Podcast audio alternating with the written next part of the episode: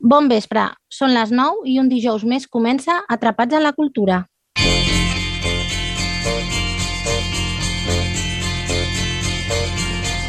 They say we're young and we don't know We won't find out until we grow Per en Bill Murray, tots els dies era la mateixa cançoneta. Estava atrapat en el temps. Per nosaltres, tots els dies també són iguals. Amb Bill el salvava l'Andy McDougall. I a nosaltres, qui ens salvarà? La cultura, els llibres, el cinema, les sèries, l'art, l'oci, la gastronomia. Feu-nos cas i sentiu-vos atrapats amb la cultura. Amb la Cristina Guarro i el seu equip.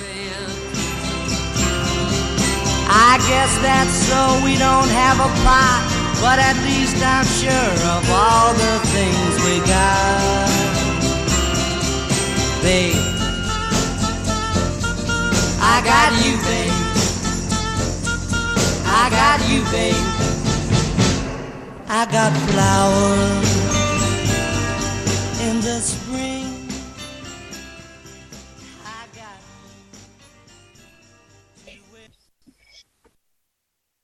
Benvolguts oients, tornem a ser aquí una setmana més per narrar-vos i explicar-vos diferents coses culturals com cada setmana.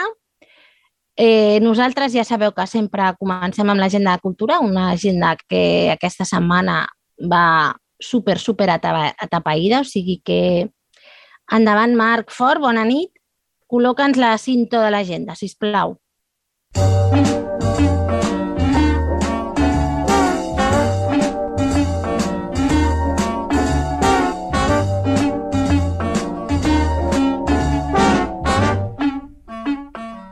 Divendres 11 de novembre a la sala Padró, a partir de quarts de vuit del vespre, Viva la vida. Viva la vida és el que va deixar escrit Frida Kahlo a la seva última obra sobre la vermella carn d'una síndria l'any de la seva mort.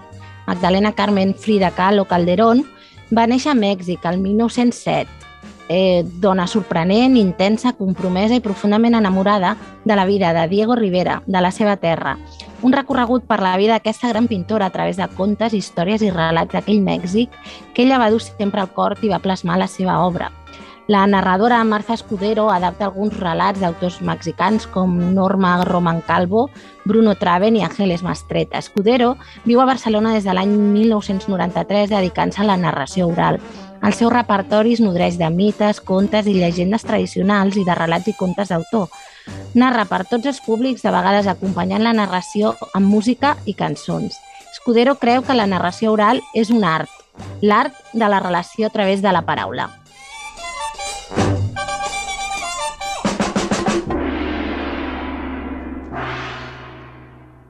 Dissabte 12 de novembre a la plaça de l'Església, novena edició del Jazz and Beer. Aquesta festa, que es va haver de posposar al setembre a causa de la previsió del mal temps, arriba ara al mes de novembre. Jazz and Beer és un col·lectiu heterogeni format per veïns i veïnes de Cornellà procedents d'àmbits professionals molt diversos i compromesos amb la cultura de la ciutat, que de manera voluntària han decidit organitzar-se i fer un ús de l'espai públic com a lloc de dinamització de la cultura popular i comunitària, tot participant activament en la construcció de les nostres pròpies iniciatives. Aquesta activitat és una festa que combina aquest estil musical, el jazz, amb la cervesa artesana. A partir de les 12 del migdia fins a les 10 del vespre hi actuaran els següents grups. A les 12, la bruixa del jazz, l'àvia Adela, va néixer amb el jazz de tan vella que era. Un bon dia va decidir marxar, però va deixar un regal a la seva neta, un casset misteriós i un bagul ple de sorpreses a través de les cançons recopilades per l'àvia. L'Ela anirà descobrint les claus per anar superant les seves pors alhora que ens descobrirà els grans personatges del jazz. A la una, Albert Bello New Quintet, Alberto Bello és un dels referents del jazz manuix de casa nostra. Amb el seu nou quintet ens presentarà la seva nova proposta per començar gaudint fort d'aquest estil de jazz anomenat Gypsy Jazz. A les 4, Corne Jazz, concert de la Big Band de l'Escola Municipal de Música Roser Cabanes del nostre municipi. A les 6, Quim Magnet Quartet. En Quim Magnet ens presenta projecte molt personal, basat sobretot en composicions pròpies que s'inspiren en l'estètica del segell discogràfic SM, presentant present, disculpeu, a l'escena musical de jazz des dels anys 70 fins avui en dia i a quarts de nou del vespre, hip-hop Hip Horns Brass Collective, Original Funk and Hip Hop Brass Band from Barcelona. Aquest llarguíssim anunciat i és que eh, van sorgir enmig de la pandèmia mundial, recordeu, aquest 2020 que sembla ja tan llunyant, i es tracta d'una brass band que combina elements de hip-hop, el funk and jazz en una poderosa mescla que infon bones vibracions a tothom qui l'escolta.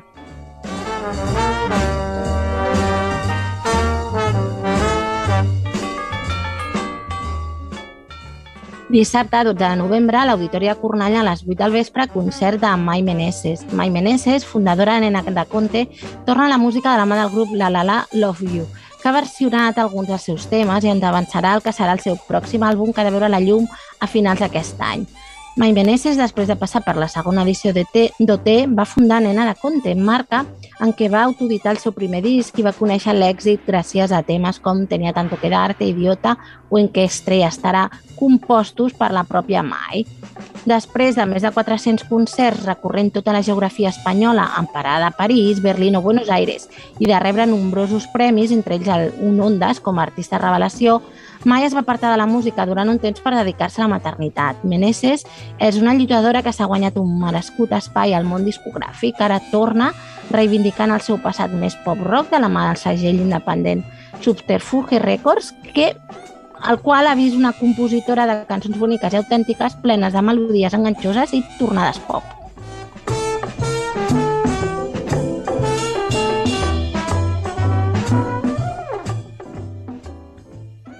Diumenge, 13 de novembre, a la sala Ramon Romagosa, Bungi la petita koala a les 12 del migdia. La Bungi és una petita koala que viu en un bosc d'eucaliptus. Els koalas tenen una activitat diària molt escassa.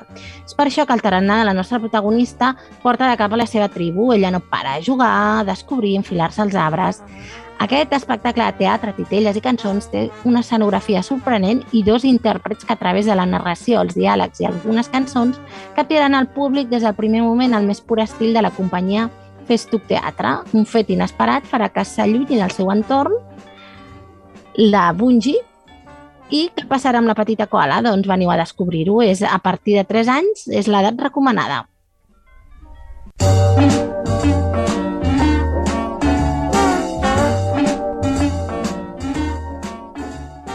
I ara, dues propostes de patrimoni que no et pots perdre aquest cap de setmana. La primera és l'activitat titulada Els increïbles projectes del Comte de Batllloc a la Torre de la Miranda, que acollirà aquesta proposta recomanada per infants a partir de 8 anys. Comença a les 11 del matí. Això serà, disculpeu, diumenge 12. I més tard, a les 12, el castell ofereix l'activitat Quin so té l'edat mitjana. És un taller i audició per saber com sonaven els instruments i la música medieval. Està pensada per a criatures de més de 6 anys i cal inscripció prèvia a través del telèfon 93 474 50 o 35 o escrivint un correu a patrimonireserves arroba aj-cornellà.cat.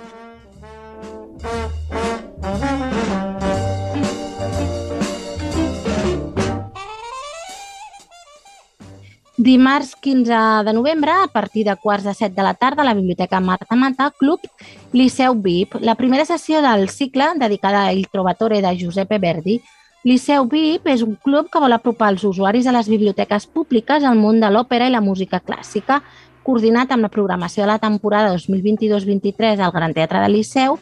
En aquesta ocasió es comentarà aquesta gran òpera de Verdi a partir del visionat d'alguns fragments. És a càrrec de la Montserrat Galícia, una escriptora.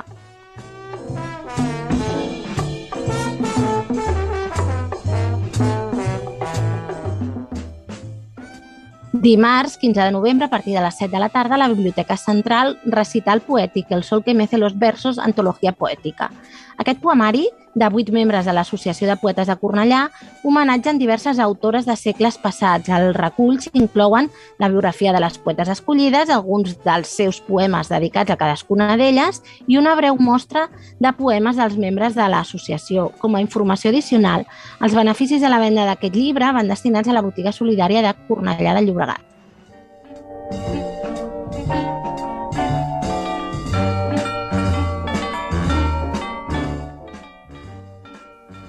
Dimecres 16 de novembre, a partir de les 7 de la tarda, a la Biblioteca de Sant Ildefons, El senyor Pompadour i los besos perdidos. Nova sessió d'Alba de Contes en què es farà també la presentació del llibre El senyor Pompadour i los besos perdidos de Pep Ruiz, ja que Ruiz és un contacontes cornellanenc amb una llarga trajectòria dels, a dalt dels escenaris, dels quals va haver de baixar obligatòriament durant un temps i va, va ser aleshores quan va pensar aquesta història.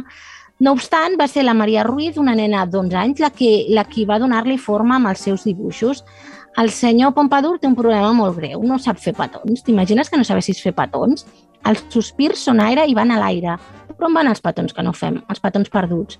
Gràcies a la Maria, el senyor Pompadour descobrirà que el temps que passen junts no pot comprar-se i que l'essencial és invisible als ulls, o a gairebé tots els ulls.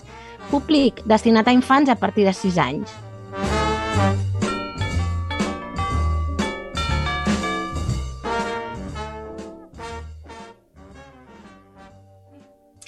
Dimecres, 16 de novembre, a partir de quarts de set de la tarda, a la plaça de Sant Ildefons, taula rodona Sant Ildefons, els orígens d'un barri de Cornellà. En aquesta taula rodona es debatrà com es va passar d'un projecte de ciutat-jardí als 14 anys frenètics d'edificació massiva dels 11.000 habitatges del barri de Sant Ildefons i es donaran a conèixer els documents i les descobertes històriques més recents sobre els seus orígens i sobre la construcció del barri i participaran en Miquel Roà, arquitecte, en Joan Tardà, historiador i polític d'Esquerra, que va ser regidor de l'Ajuntament ja fa una colla d'anys també, abans d'anar al Congrés, i Pere Guaita, historiador i comissari de l'exposició Sant Ildefons, una història compartida a Cornellà. El moderador serà l'historiador Joan Fernández.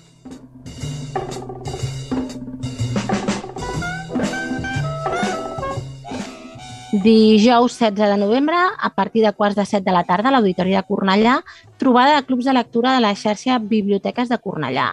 L'òpera prima de Núria Benditxo, Giró, Terres Mortes, es tracta d'un drama rural que entronca directament amb les obres ambientades en la natura hostil de Víctor Català, Mercè Rodoreda o Àngel Quimarà i que ens narra amb cruesa i sense filtres la història d'una família maleïda que viu aïllada i, per tant, fora de qualsevol convenció social.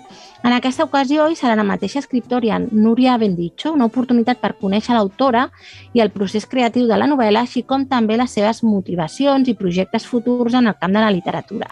Aquesta activitat compta amb el suport de la Institució de les Lletres Catalanes i acompanya ben dit Esther Bueno, gestora cultural. Doncs bé, després d'aquesta activitat que comença a quarts de set de la tarda, us poseu la ràdio i escolteu l'Atrapats en la Cultura la setmana vinent, que serà 17 de novembre. Ja us he avisat que teníem una agenda eh, cultural super extensa i això que encara no hem parlat de la nostra mostra del còmic, de la 38a edició mm, d'enguany, però ho farem més endavant, apartat de la secció de, de l'agenda cultural. Començarem el programa, que ja comença després d'aquest repàs, amb una cançó de la qual demà es fa efemèride, i és que l'11 de novembre de 1964 Tom Jones va presentar la següent cançó.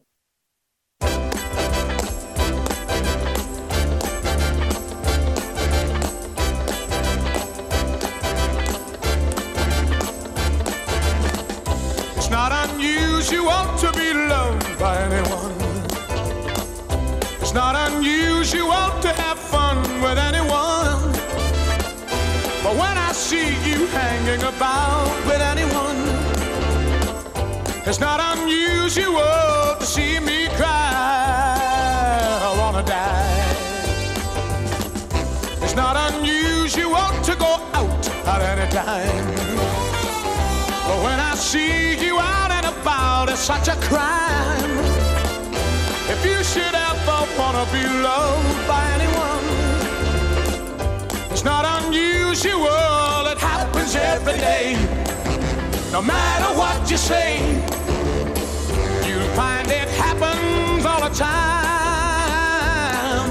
Love will never do what you want to.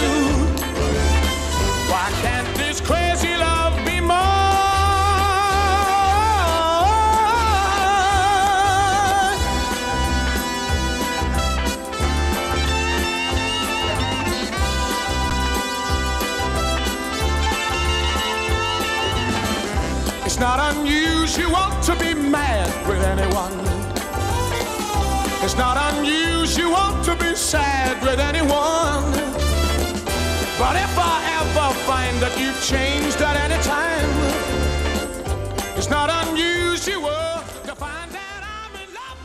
Doncs comencem una mica de, amb una mica de ritme gràcies al galès Tom Jones i continuem parlant de, de cultura, que és l'objectiu del nostre programa. Com us deia, la mostra del còmic a Cornellà, que és una de les més veteranes del país, vinculades a l'art de la historieta i que enguany fa 38 anys que divulga a la nostra ciutat, a Cornellà, tant l'obra de grans autors i referents com la producció d'artistes emergents, com poden ser els participants al concurs de còmics. El Museu Palau Mercader presenta l'exposició Còmic, Migració i Memòria, una mostra que neix de la voluntat de visibilitzar com el còmic ha estat en els últims anys un mitjà compromès amb, la, amb una realitat tan complexa, tan propera i tan transcendent com és el fenomen migratori, recorrent la història de les migracions a l'Espanya del segle XX a partir d'aquestes diferents creacions artístiques.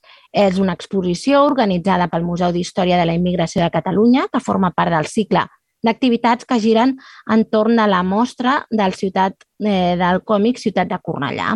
La podreu visitar fins a l'11 de desembre i s'han programat diferents activitats complementàries relacionades amb aquest tema. L'horari de visites és diumenges i festius de 10 a, a 2. Nosaltres, durant aquest mes de novembre, us anirem comentant setmana a setmana qui, quines són les activitats que s'hi fan. A banda d'aquesta exposició al Palau Mercader, també es, pot, es poden visitar dues exposicions més al Castell de Cornellà. Una d'elles és l'exposició central de la mostra, com és eh, la que du el nom del 38è concurs de, de còmics Ciutat de Cornellà, a l'espai central de, de la mostra, com bé us deia. Eh, S'hi exhibeixen els treballs guanyadors i finalistes d'aquest concurs d'aquest any i després, a l'espai racó de l'IVA, doncs, trobem les caricatures fetes per tots els guanyadors i guanyadores del Premi IVA al millor historietista professional. I la Bea Tormo, que va rebre el Premi IVA 2021 i és l'autora del cartell d'enguany, presenta una exposició del seu material més recent, ple d'humor i en què exposa la seva manera de pensar, viure, treballar i totes les seves, que no són poques, preocupacions.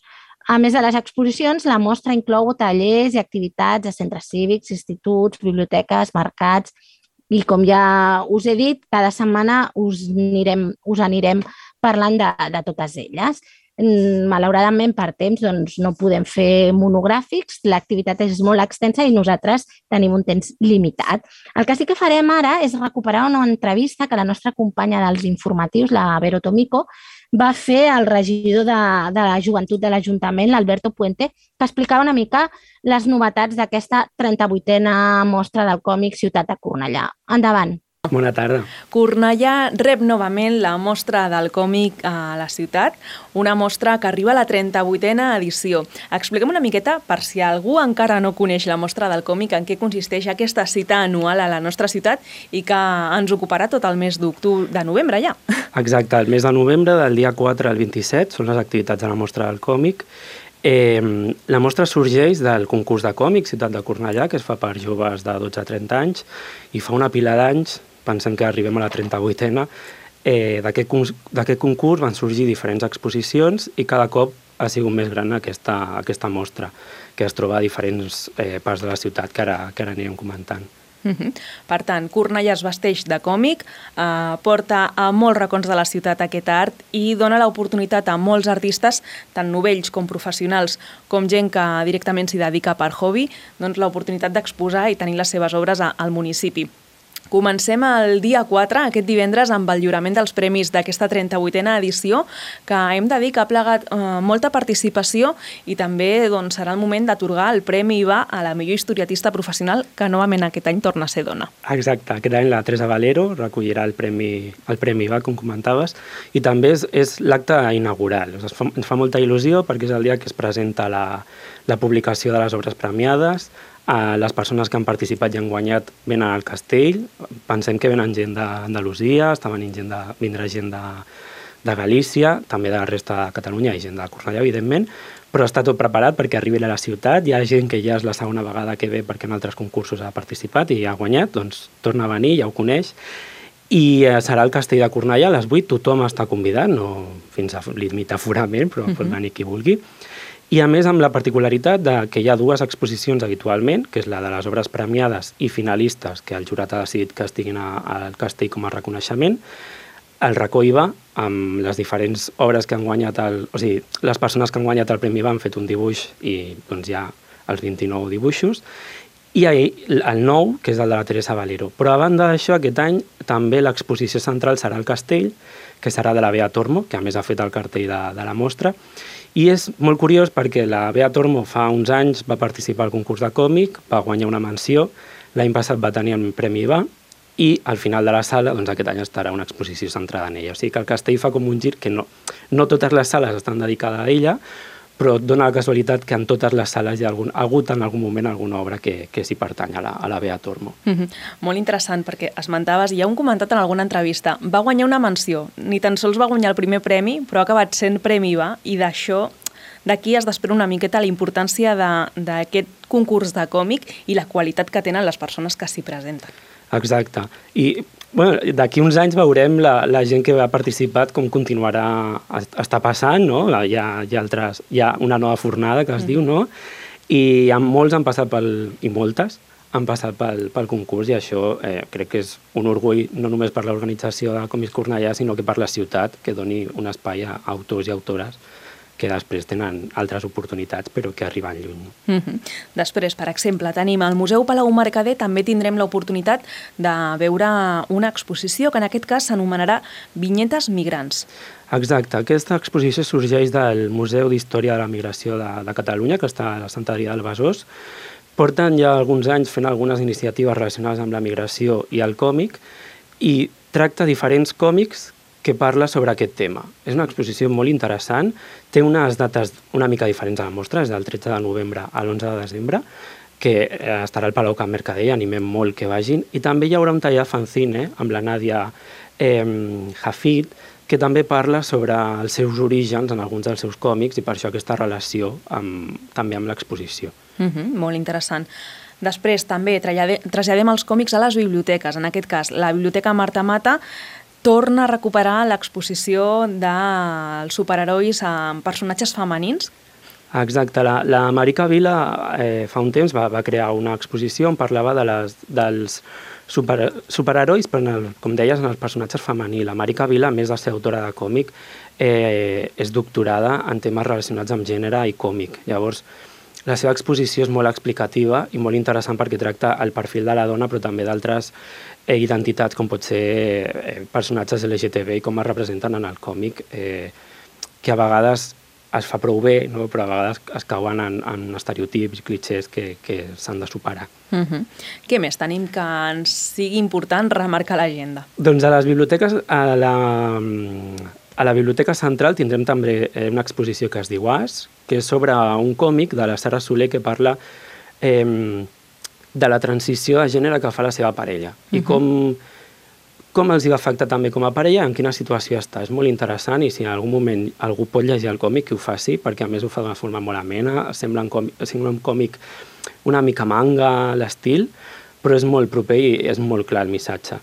I després, a la, a la Sentit de Fons, tindrem l'exposició Llogorda, eh, que la Meritxell Bosch, la seva autora, doncs també en parla de, de part de la seva vida. No? Ella diu que és una història que comença malament però que acaba bé i ha participat en diferents moments a la mostra del còmic i em sembla molt interessant poder retornar aquesta, retrobar un altre cop aquesta exposició.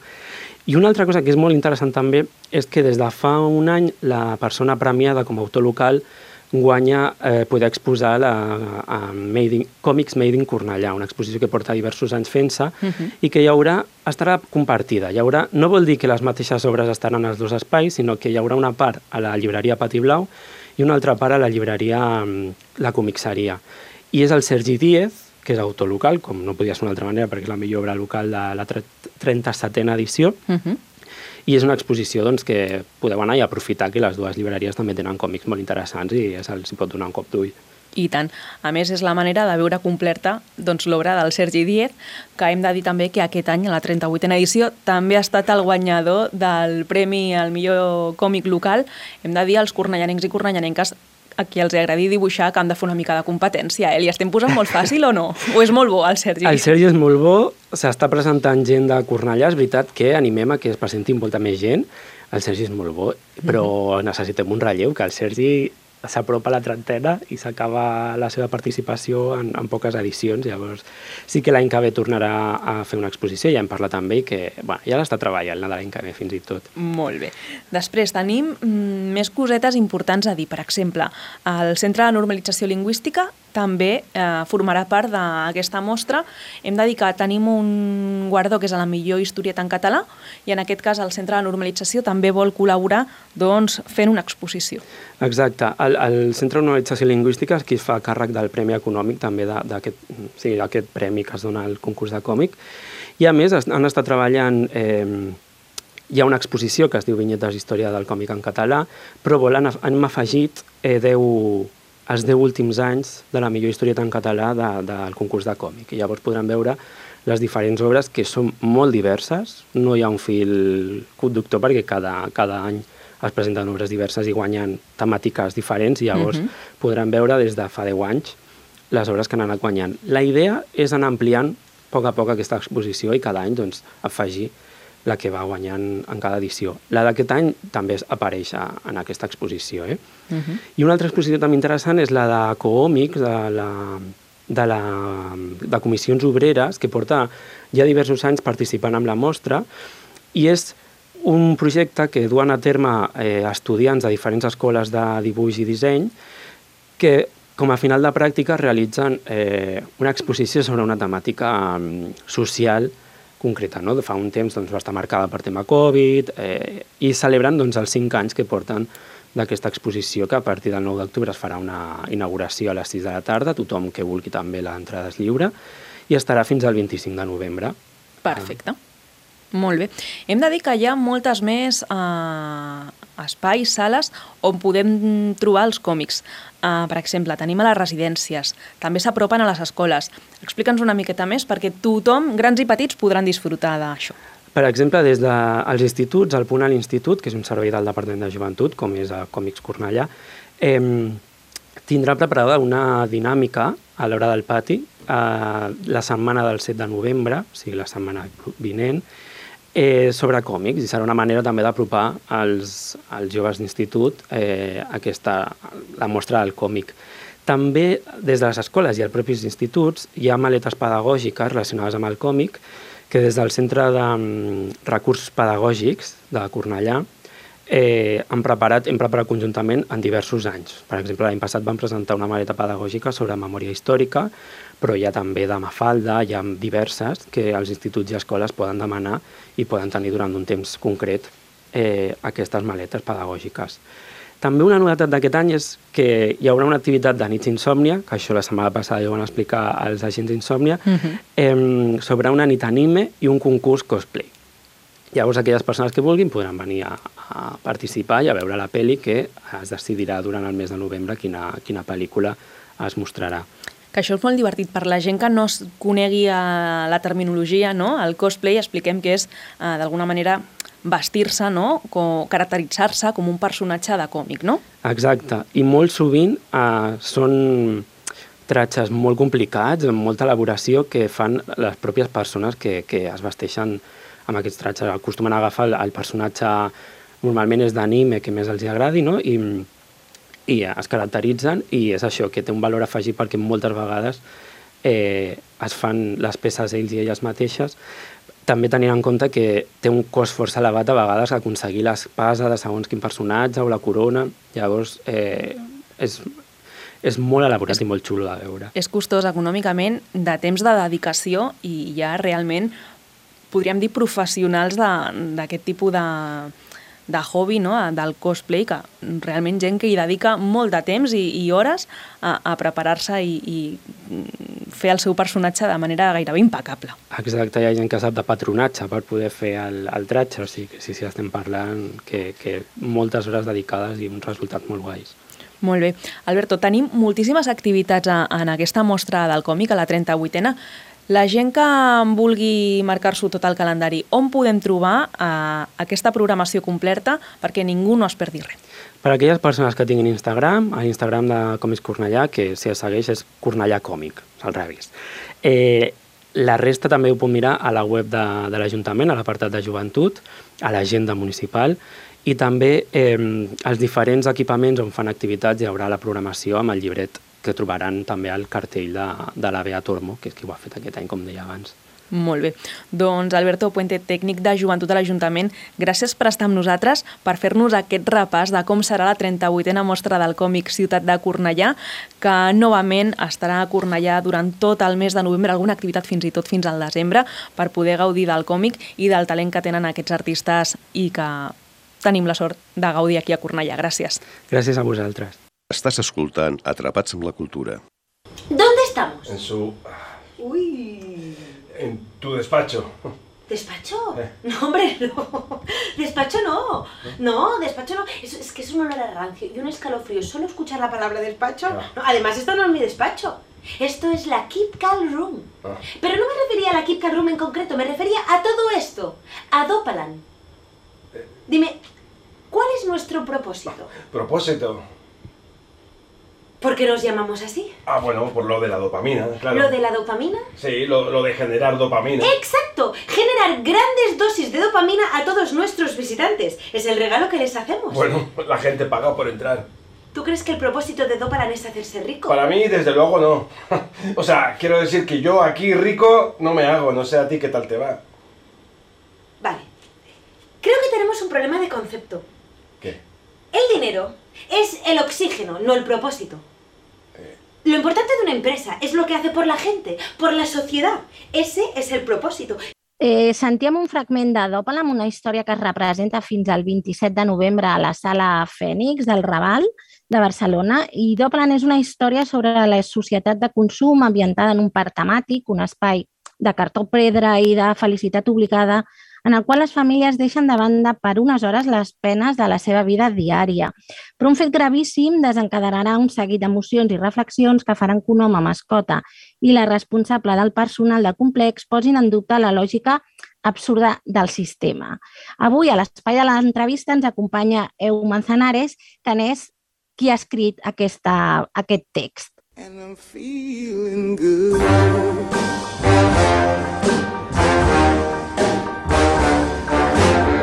L'entrevista. You know how I feel. River running free, you know how I feel. Blossom on the tree, you know how I feel. Eu Manzanares, bon vespre. Gràcies per acompanyar-nos. Hola, gràcies a vosaltres. Eh, hem triat, un, jo crec que un dels fragments una mica més representatius d'aquesta, jo en diria perversió del llenguatge, d'aquestes Mhm. empreses que venen, bueno, no en venen, no? Eh, Mm. Donen felicitat. Sí, sí, sí, sí. És, és un, un llenguatge molt utilitzat últimament per empreses en, en general, no? I startups i, i, i noves empreses en general, penso, tinc la sensació. Eh, sí, jo, a mi em va venir al cap el Mr. Wonderful. Jo no sé si tu hi treballaries. sí, sí, és que té molt, té molt de, de, de rebot amb, amb Mr. Wonderful i aquesta filosofia del bon rotllisme apretat eh, artificial, no? Que, que, tampoc, que tampoc ajuda, no sé, que, que, que no sé fins a quin punt va enlloc, no? Exacte, i que sembla que una mica que estem tots obligats a ser feliços, no? Perquè si no ets feliç, no sé, Sí. poca mica més que un desgraciat, diria jo, que és Exacte. culpa teva. Sí, sí, és un, és un fracàs. O sigui, no ser feliç, encara que, ting, en, o sigui, encara que les coses no et vagin bé, tu has de ser capaç de donar-li la volta sí o sí i, i entendre la manera de ser feliç dins d'aquella situació, que com a filosofia en si no està mal, però, però s'està establint, sota el meu punt de vista, una dictadura de, de que si no ets feliç és perquè no vols. I, i per ser feliç t'has d'esforçar, també. I si no ho ets és perquè, perquè ets, un, ets doble desgraciada perquè no, perquè no ho saps fer, a més a més. És el teu problema, tu no saps ser feliç. No? El problema no és el sistema que ens té ofegats, el problema és que tu no estàs sabent ser feliç. Perquè quina, quina és la imatge, la teva, de la felicitat? Uf, és una pregunta molt difícil, molt, molt difícil, però jo crec que um, quan, quan penso en què és la felicitat, penso en què són petits moments, al cap i a la fi. Jo una vegada eh, vaig sentir, no sé qui, que deia que la felicitat és un, un, un plat de patates fregides i un ou ferrat, no? I vull dir, la felicitat està en aquestes petites coses i, i després en eh, poder... Mm, jo he arribat a la conclusió que per mi és poder fer, eh, poder ser lliure de fer allò que m'agrada i de la manera que a mi m'agrada, no? Eh, I, òbviament, per mi no, no existeix la felicitat contínua i constant. Eh, hi ha alt i i, i, ja, i ja està, és que és així. Si no hi haguessin els baixos, no apreciaríem els moments en què, en Els què, alts, en què no? estem millor. Efectivament. I, I com va sorgir la idea d'aquesta obra? Aquesta obra, eh, això va ser, d'entrada va ser un encàrrec de la Sala Fènix i Suica Produccions, que són eh, les que tiren endavant i arrenquen aquest projecte, i bueno, un encàrrec d'una comèdia, em van trucar per, per això, per escriure una comèdia, per dos personatges, que fos una comèdia, però no fos una comèdia lleugera, sinó que tingués un, un contingut social, ells em coneixien i saben que jo tinc un sentit de l'humor mm, amb molta mala llet, i, i aleshores, bueno, doncs vam, ens vam asseure un dia i parlar de... Ells volien parlar sobre, sobre el, també el, el desig i, i el consum i, i, i quines, quins són els mapes de desitjos i, i això, i d'una mica de, també de la felicitat no?, que tenim cadascú de nosaltres.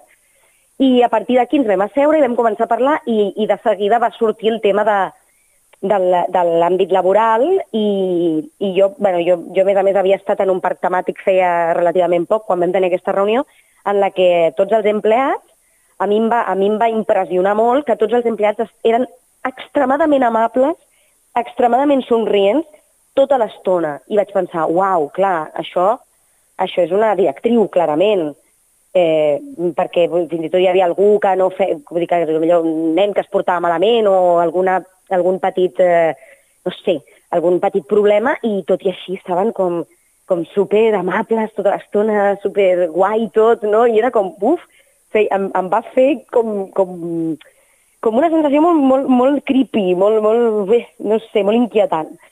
I aleshores mm, va sortir la idea d'això, de fer doncs, un, un empleat d'un- d'una mena de parc temàtic que, que, que fes alguna cosa que no es corresponia amb la filosofia d'aquell lloc i que això generés doncs, tot un debat eh, respecte a les, a les condicions laborals i bueno, a la vida en general no? de, en la que vivim, en, en aquest món això, consumista, neoliberal, bla, bla, bla, no?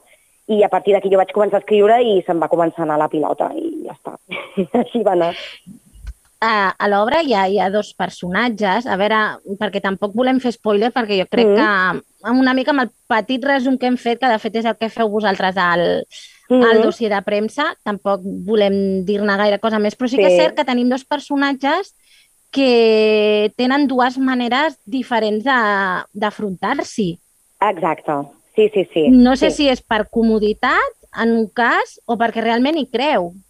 Bueno, jo crec que hi ha una mica de tot. Eh, jo crec que el, hi ha un personatge que, que, que, bueno, que, que vol confiar molt en, el, en, la, en la filosofia de l'empresa, diguem, i, i rema molt a favor d'això i, i, i vol convèncer molt l'altre en aquest sentit. I és, difícil eh, parlar sense dir gaire spoiler, però bueno, ho intentem. Sí, sí, sí, per això t'ho Eh, deixo tu. Sí, però bueno, el cas és que jo crec que hi ha una part de convenciment, eh, de, de, de convenciment per sobreviure, o sigui, perquè, perquè necessita creure-ho, eh, però hi ha una part que és, mm, que, bueno, jo crec que, que, que és un personatge que, que ho creu a mitges, tot i que necessita molt eh, creure que el sistema funciona, no? Perquè si no, llavors, què passa? Llavors estem venuts, què fem? Bueno, al final sembla que sigui no, no, no els, que, els qui no són creients com la necessitat d'haver de creure en alguna cosa. Ah, exacte, sí, jo bueno, crec, crec que té molt a veure, eh? la, la fe a dia d'avui eh, ha evolucionat d'una manera i fins i tot doncs, doncs, la, les persones que som, i jo m'incloc, atees, per exemple, eh, tenim necessitat de realment de creure en, en alguna cosa i crec que a dia d'avui, per exemple, jo que sé, doncs cadascú la seva ideologia, la seva filosofia de vida, no? eh, ve a jugar aquest rol de, del, que, del que és la, la, la religió, no? Aquelles, aquells principis pels quals ens, ens regim i, i allò per al qual se'ns construeix el sentit de la vida, no? tal com la vivim. Eh, parlem una mica de l'escenografia de l'obra. Això ja no sé si, si tu vas donar donar-hi alguna indicació, no sé com ha anat tot plegat. El que mm. no he dit és, deixa'm que digui perquè el director és, és el Sergi Pompemayer i el dos, uh -huh. els dos intèrprets són l'Anna Castells i el Felipe Cabezas. Uh -huh. Aleshores, sí, sí. l'escenografia, com ha anat? Perquè això em sembla que sí que en podem parlar una mica perquè crec que ja sí. heu fet difusió per xarxes. És com un sí. espai molt dolç, no? Sembla una mica sí. el, el videoclip aquest de la, de la Katy Perry, del, sí. és que no recordo quina era la cançó, que és del parc, no? Tot tan. Sí. Sí, sí, o sigui, la idea, jo, clar, jo no, jo no l'he dirigida, l'ha dirigida el Sergi, i això uh -huh. ja, és, ja és més... Eh, ell, ell te'n podria parlar molt, molt millor i més en profunditat, però sí que és veritat que des del principi dèiem eh, que havia de ser un lloc molt... que, que et donés un rotllo molt, molt guai i molt, i molt, molt adulcorat extrem, fins al punt que, que això, no?, que, que, que, que empalaga, no? I aleshores és tot molt rosa, blau claret, tot molt, molt cookie, molt, molt així, molt, molt infantilitzat també, perquè jo crec que també estem anant cap a una infantilització de, de, les, bueno, de, de les coses en general no? I, dels, i de les emocions en, en, en, en les publicitats i en, i en tot plegat, no? I tot, tot aquest sucre per, per combatre aquest empatxo que diríem, que, que, mm -hmm. que, que ens recomanes? Aquesta com, com? So, sobredosi. Per, per combatre una mica aquesta sobredosi de, de i aquest empatxo, mm -hmm. què, què ens recomanes? Jo o què recomano, recomanes? Jo recomanar, ostres, jo, jo, a mi no m'agrada gens ser consellera de res perquè segurament dono no. molts mals consells, però, però jo penso que s'ha de tenir una visió crítica sempre del món i tenir en compte qui qui t'està parlant, què t'està dient i per què t'ho està dient i quin interès té aquesta, a, a, aquell, aquell ens, eh, anunci o, o, o, o, o jefe, jefa o el que sigui per dir-te el que t'està dient, no? perquè, perquè sempre hi ha interessos darrere i, i ser, ser, ser crítica i ser conscient de que vivim en un món on, on, estem, on, on estem sent d'alguna manera manipulats constantment encara que no vulguem i, i, i que hi caiem de quatre potes però sí, i ser conscients d'això, de, que, de que la felicitat extrema i constant eh, no, no és possible, no existeix i no passa res, no passa res. Pues sembla que al final no, no haguem deixat gaire l'època de les cavernes, no? Al final tot és entre el semblar i el ser. I tant. Jo crec que no l'hem deixat mai, no l'hem abandonat mai i dubto molt que l'arribem a abandonar mai. Per, eh, jo, jo entenc que, pel que ens comentes, que prefereixes potser un ambient d'entrada més hostil que una cosa més amigable, vull dir que no Com... desconfiaries tant, o sempre mm, desconfiaries? No, bueno, mm, jo crec que qualsevol cosa que estigui molt apretada i molt forçada, hi ha alguna mm, d'antinatura en, en això. Eh, no, no és que m'agradi l'hostilitat, però penso que mm, la, les, aquestes, eh, el, el pinkwashing aquest que hi ha últimament de, de tantes coses, el que, el que fa és tapar, són, són pagats, són tirites per una cosa, per un sistema que no funciona bé i que ens fa tremendament infeliços en el fons. I que al final una mica, la, a veure, les empreses totes necessiten guanys, no? Vull dir, tampoc se n'han d'amagar. I tant, i o tant. de vendre la moto, que l'objectiu mm -hmm. és un altre. I, I tant, i tant, exacte. O sigui, jo entenc que, que, bueno, pues que al final, no sé, perquè de, de grans empreses no hi entenc, però entenc que bueno, fas coses que, que més o menys et puguin agradar o interessar, però que, que la finalitat és, és fer diners i, quan, i quants més millors, i com més gran és l'empresa i més projecció té, més encara, és obvi, o sigui, és que és, és, és absurd, vull dir, fa molta gràcia els anuncis de, de, de certes marques i tal, que no, l'important nos preocupes tu, lo que més nos importa és tu, home. Eh, eh, el parlem-ne, no?, de certa entitat bancària. Exacte, clar. És, no, no, o sigui, a veure, un moment, vale que, o sigui, tu, tu em necessites, tu necessites, em necessites com a client, ok, tu necessites els meus diners, si, si el que haguessis de fer fos una altra cosa, per mi mm, faries una altra cosa, si et donés més diners fer un altre tipus de cosa, és el que faries, no? I és com, que ridícul tot plegat, no? Que diguin que, no, que el que més els importa ets tu i el teu benestar i que tu siguis molt feliç. Bueno, vale. Altra cosa és que a mi m'interessa igualment el teu producte i, i el consumeixi o no, però no em diguis que la teva prioritat és fer-me molt feliç, perquè no ho dubto molt. perquè per començar no saps si jo sóc molt bona persona o no ho sóc. O sigui que aquí podríem entrar també en un altre tema. Eh, repassant una mica la, la teva trajectòria com a dramaturga, eh, Mm. no hem comentat que també ets, ets actriu i, de fet, quan et vaig contactar per preparar l'entrevista em vas dir que estaves a diversos bolos. Sí, sí, Eh, sí. Mm. Di, et, deixa'm que faci un repàs de la teva mm, trajectòria com a Ahà. dramaturga. Ah, El 2015 vas estrenar el Tantarantana, una paret blau cel. Mhm. El 2018 ve Ido Tiranti, que va ser un text seleccionat al cicle de lectures dramatitzades de l'Associació d'Actors i Directors Professionals de Catalunya, que va guanyar una beca Tisner, que vas estrenar al Llevant Teatre i amb el qual doncs, vas prendre part de, del cicle de lectures dramatitzades a la Sala Beckett el juny del 2020.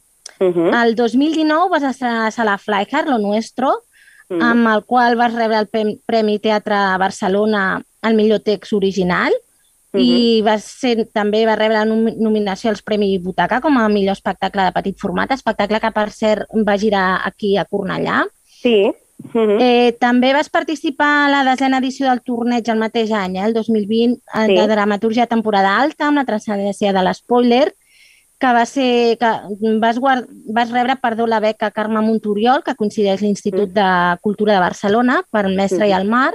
L'any Mhm. següent, el 2021, eh, vas ser seleccionada pel Nobel Laboratori d'Escriptura Teatral de les GAE, amb Benvinguts. Mhm. Vas estrenar al Teatre Lliure l'espectacle Franc, que també va obtenir una nominació als Premi Butaca d'aquell any. Vas Mhm. participar a l'obrador d'estiu de la Sala Beckett i eh, actualment ets, estàs becada per la Sala Beckett. És, és, és una de les residències d'aquesta temporada. Soc l'autora resident aquest any, sí. De fet, ara mateix Exacte. estic aquí treballant. sí. I, I aquest juny del 2022 eh, se't va concedir una de les beques Barcelona Crea amb l'escriptura Mhm. d'un nou text que Ahà. va formar part del Batec del Grec, eh, que és... No, el batec del grec, la- el batec del grec No? va ser amb Dopalan amb una lectura dramatitzada. Ah, la vas fer, d'acord. Sí, sí. sí. Val, val, o sigui que el Dopalan va ser una lectura dramatitzada que va formar part del Batec del Grec. Això Eh, mateix. Dopalan, entre altres coses, parla una mica de la precarietat laboral. Sí, totalment. precarietat que jo crec que treballant al sector de la cultura coneixes prou bé. Molt, eh, tu- molt. Tu, eh, per sort, eh, has obtingut doncs, algunes beques o alguns mm, premis. eh, com valores que es, que es facin aquestes concessions? Doncs mira, uh, jo això és una cosa que, que sempre m'ha generat, tot el que són beques, premis, nominacions, tot això és una cosa que em genera molta contradicció a mi, personalment. Uh -huh. perquè, mm, ostres, és que costa molt. O, vull dir, penso que hi ha moltíssim... Això sonarà a que estic fent jo també pinkwashing, però és que és totalment veritat.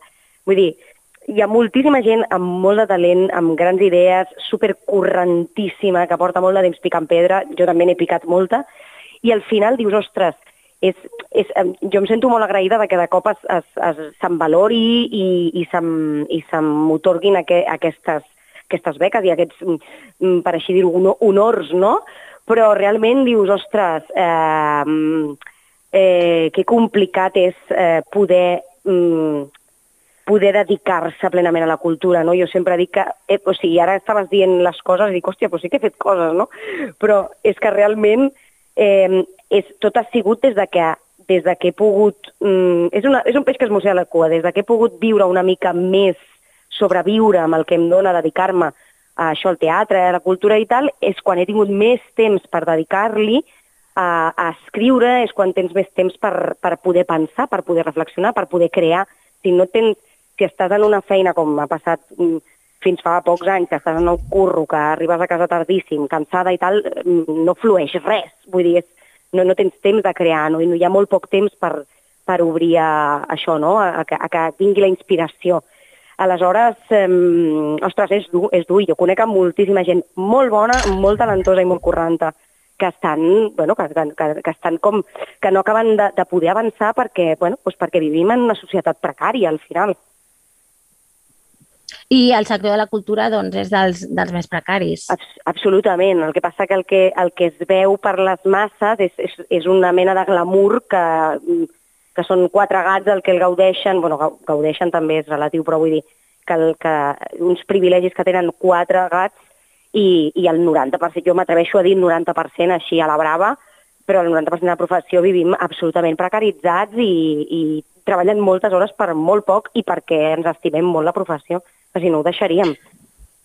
De fet, hi havia dades, ara no l'estic en ment, però eren xifres molt, molt baixes, percentatges Mm. molt, molt alts del nombre d'actors que bé, potser guanyaven més de, de 10.000 euros anuals. Això entenc que era només amb la feina d'actor.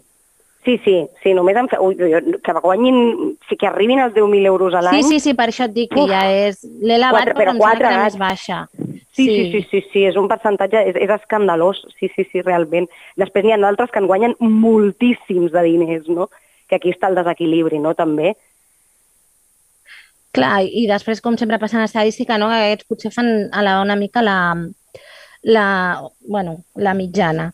Eh, Tu, en el teu cas, actualment què fas? Eh, et guanyes la vida com a dramaturga o estàs fent també, fas classes, fas de professora, Sí. com feu molt? Jo, sí, sí, o... sí, jo dono, sí, i tant, i tant, jo dono classes també, sí, sí. Eh, eh, estic, és veritat que ara mateix estic en un bon moment, que, que, tal com estic ara, d'aquí a un any potser estic fatal, però ara estic en un moment que doncs, he rebut encàrrecs, tinc, estic fent l'autoria resident de la Beckett, que també doncs, suposa uns ingressos, eh, i bueno, va, vaig fent, eh, però, però sí, sí, les classes és d'aquelles coses que mai pots deixar de costat, ja, que ja m'agrada, eh? a mi m'agrada moltíssim donar classes, però, mm, però és una cosa que no pots, sempre l'has de tenir perquè és que al final és el que et dona un, un mig sou, no? perquè tampoc... Tu les fas d'interpretació, relacionades amb la interpretació amb l'escriptura? Jo amb, amb la interpretació. Jo dono sobretot classes d'interpretació i de creació, també. Uh -huh. I els últims anys sou moltes, ja ho dic en, en femení, perquè sou Mm. moltes que passeu de la interpretació a la Sí. dramatúrgia o a la direcció. Com, com és aquest Sí. pas? Doncs aquest pas és bastant En el teu natural, cas, eh? eh? En el teu cas. Doncs, és, és, doncs en el meu cas ha sigut de forma molt natural i, i amb la majoria de- d'actrius que conec que han fet aquest pas és, és, es dona d'una manera molt natural perquè mm, com que no... A mi, per exemple, en el meu cas, jo no em podia esperar a que m'estiguessin trucant eh, ningú perquè ningú, tru, ningú em trucava. Vull dir, jo deia o m'ho munto jo o, o, o aquí no fotrem res. I jo sempre dic, jo vaig començar a escriure per necessitat, o sigui, per, per necessitat de fer allò que tenia ganes de fer. Després, fent-ho, em vaig adonar doncs, que m'agradava, que resulta que sembla ser que se'm donava mm, més o menys bé, i, i a partir d'aquí doncs, ha sigut una cosa que m'ha que m'ha donat bastanta, bastanta... Bueno, m'ha obert camí, m'ha obert portes, eh, i m'agrada, i se'm dona bé, i cada vegada m'agrada més, però es dona normalment així, eh, per una qüestió de necessitat, necessitat de crear i necessitat de no estar a casa esperant a que, a que et diguin, a que et truqui algú per treballar. Entenc que és com un pas natural, no? Sí, no, no, el fa, no el fa ni molt menys tothom, però sí que és una cosa que mm, passa cada vegada més sovint per aquesta necessitat.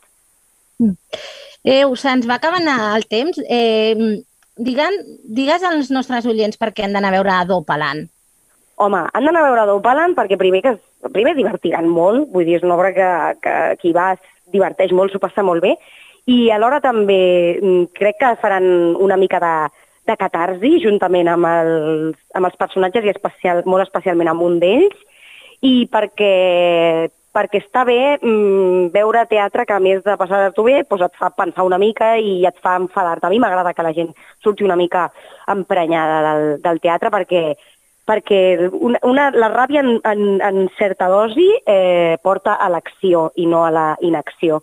I ens, ens hem d'activar, ens hem de moure, hem de, hem de, voler, hem de voler reivindicar coses i, tenir, i ser inconformistes. Molt bé, m'agrada això, eh? La, la ràbia com a espurna. Sí, Eh, sí, sí. doncs moltíssimes gràcies, Eu Manzanares. Nosaltres recordem que Dopalant es pot veure a la Sala Fènix fins al 27 de novembre. A reveure, una Perfecte. abraçada. Moltes gràcies, que vagi bé, adéu.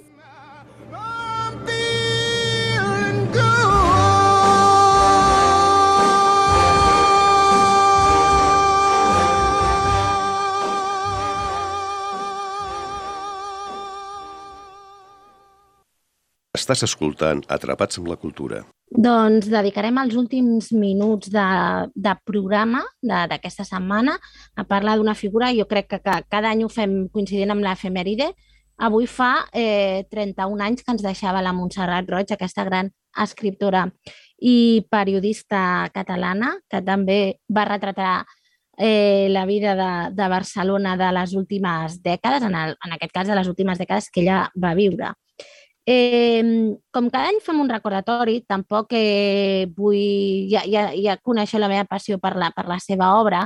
Jo, en aquest cas, em volia centrar en, en les dues últimes biografies que van sortir coincidint, em sembla que són de l'any, ara us ho dic exactament, les obrim Sí, totes dues van sortir el 2016 coincidint amb l'efemèride del seu naixement perquè ell havia nascut el 1946, doncs l'any en què hagués fet els 70 anys, van sortir dues biografies molt interessants, molt diferents entre elles i complementàries. Per una banda, Roca Editorial va publicar Con otros ojos, la biografia de Montserrat Roig, escrita per Betsabe Garcia, i aquesta biografia recull els testimonis com de la Pilar i Maric, el Josep Maria Benet i Jornet o Josep Maria Castellet, que les, són alguns de, de les seves amistats que, que la van acompanyar al llarg dels, de, dels seus tres paisatges històrics fonamentals i que apareixen recurrentment a la seva obra, com són doncs, l'esperança de lluita antifranquista dels anys 70 i principis dels 70,